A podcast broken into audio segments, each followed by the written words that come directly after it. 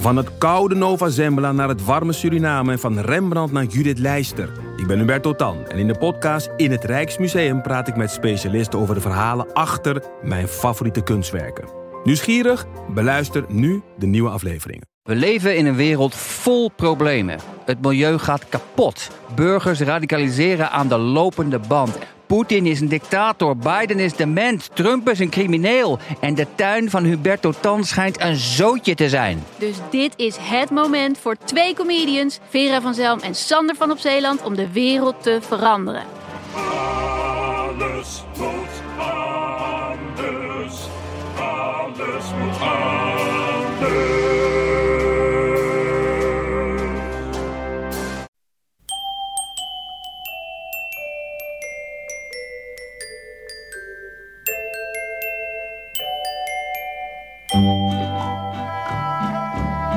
Welkom bij aflevering 428 van Echt Gebeurd, de podcast waarin mensen hun eigen waargebeurde verhalen vertellen. Deze week een verhaal dat Bram Legerstee in maart van dit jaar vertelde tijdens een verhalenmiddag met als thema Het dorp.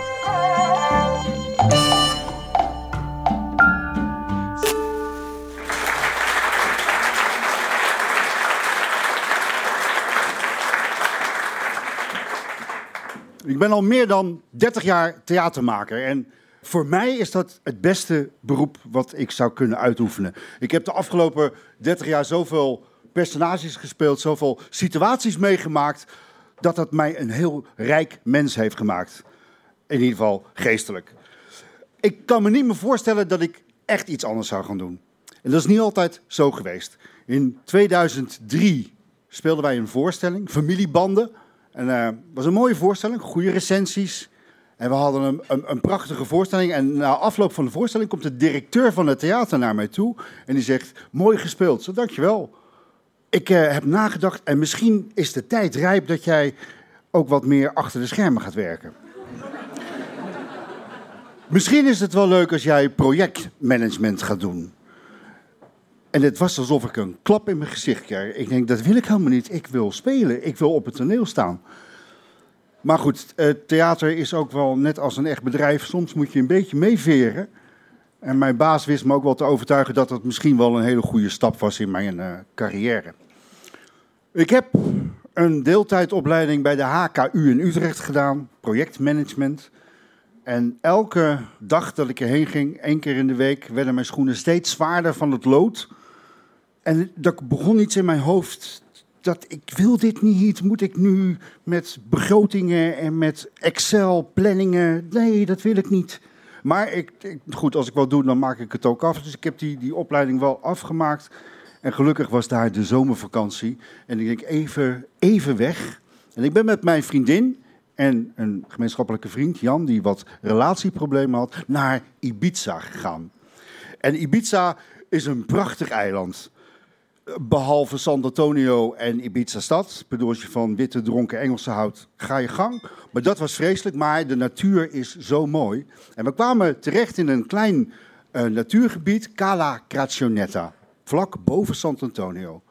Daar was een strand, werkelijk het mooiste strand wat ik in mijn leven heb gezien. Tussen twee rotspartijen, een heel klein wit strandje, water dat zo blauw is.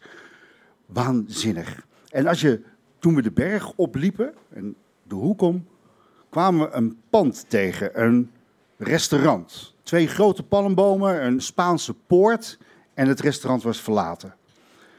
We keken door de tralies en we, onze fantasie begon op hol te slaan. We dachten, hé, hey, dit zou wel eens wat kunnen zijn. Op datzelfde moment stapte achter het terras een oud vrouwtje naar voren en die wenkt ons. En wij gaan er naartoe en in half Spaans, half Engels bleek de tent te huur te zijn. Voor een bedrag 150 euro per maand. En we keken elkaar aan en we zeiden tegen elkaar: we zijn gek als we dit niet doen. De hele projectmanagement-probleem was opgelost. Ik ging weg en ik ging terug naar Rotterdam. En ik zei tegen mijn baas: ik stop ermee. Ik heb wat anders verzonnen. Ik ga naar Ibiza en ik ga daar een restaurant, café beginnen. Hij zegt: Zo, ken jij het programma? Ik vertrek. Ik zei: Ja, dat ken ik. Ik heb afscheid genomen en in januari zijn we in uh, Ibiza terechtgekomen en we zijn begonnen. Dat Kale Kratjenette, dat was een, een, een, een plek waar heel veel Duitse miljonairs woonden. Het was een klein Duits dorpje, maar dan op zijn Spaans. En die waren dolblij dat dat kroegje weer open ging. Dus voordat het seizoen begon, hadden we al heel veel klandizie. En ik begon te denken, denk, wat ga ik met deze kroeg doen? Met deze, ik wil wat. En Ibiza is natuurlijk een, een oud hippie-eiland. En ik denk, hé, hey, dat is een leuk concept. Ik maak er een oude hippie-kroeg van. Nou, met heel veel oude lappen, Boeddha-beelden en Marokkaanse lampen kom je een end. En het begon er heel erg leuk uit te zien.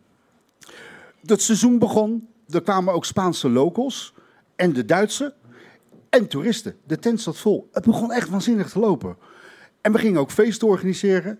Ik moest begrotingen maken, ik moest spreadsheets maken, ik moest... De hele projectmanagement kwam mij heel erg goed van pas. En ik stond s morgens, ik weet nog heel goed, in dat blauwe zee tot aan mijn knieën. En als je dan heel stil stond, dan zwommen de vissen rond je benen. En ik denk, dit is het. Dit is het leven. Dit, dit, dit wil ik. Op een gegeven moment gingen we het wat professioneler aanpakken. We zijn naar uh, de Aguntamenta gegaan, de gemeente, want we wilden ook live muziek. Hè? Hippies, live muziek.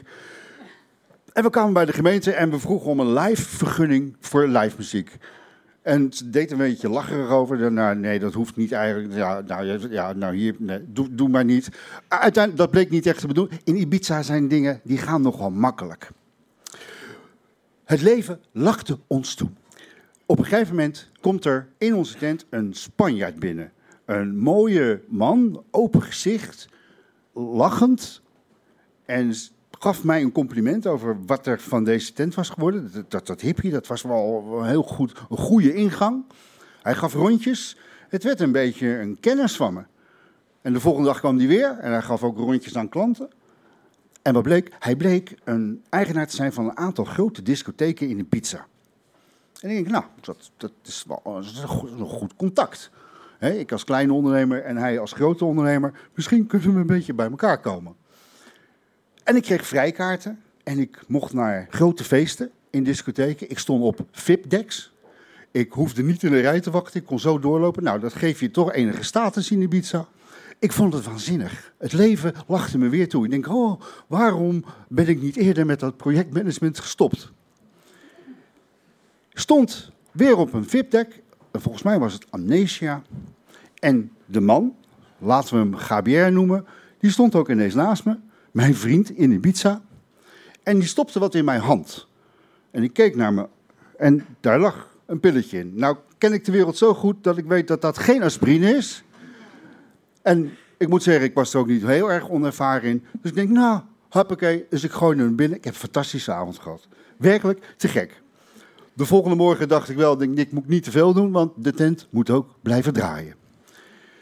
Gabriel kwam steeds meer langs en het, het, het, was leuk, het was goed. En op een gegeven moment stond hij voor me aan de bar, een beetje geheimzinnig. Hij zei, zou jij misschien voor ons hier in de tent ook toegangskaarten willen verkopen? Ik zei, ja, natuurlijk, waarom niet? En als je dan die toegangskaarten verkoopt, kan je dan misschien ook gelijk een beetje drugs erbij verkopen. Ik had werkelijk hetzelfde gevoel dat toen mijn baas naar me toe kwam en je zei, je gaat projectmanagement doen. Ik denk, nee, hier ben ik niet voor naar Ibiza gekomen. Dit ga ik gewoon niet doen. De sfeer was compleet anders. Gabier die, die baande de tent uit. De locals die kwamen niet meer. En ik stond ineens wel in de rij voor de discotheek. Ook bij de grossier had ik het gevoel dat de wereld er even anders uitzag. Het zat maar niet zo lekker. Zaterdagavond hadden wij weer live muziek. Stond een band. Tent zat wel vol met toeristen. En de band die gaat spelen. En er stopt voor de deur Guardia Civil. Ik denk, oké, die hebben we niet zo heel veel gezien hier. Ze zijn welkom en ze komen binnen en ze vragen aan mij: waar is jouw vergunning live muziek? En toen dacht ik: hier kan ik niet tegen vechten. Ik ben hiervoor niet naar Ibiza gekomen en ik begon het projectmanagement behoorlijk te missen. Ik zei tegen mijn uh, vriend en tegen mijn vriendin: volgens mij is het tijd voor mij om terug naar Rotterdam te gaan. Zij zijn gebleven Maar ik heb het vliegtuig gepakt en ik ben teruggegaan. Ik heb mijn baas gebeld. Ik ben er weer. Mag je weer komen werken? Ja, natuurlijk, zei hij. Ik zeg, wat gaan we doen? Hij zegt, jij wordt projectleider van de nieuwe voorstelling.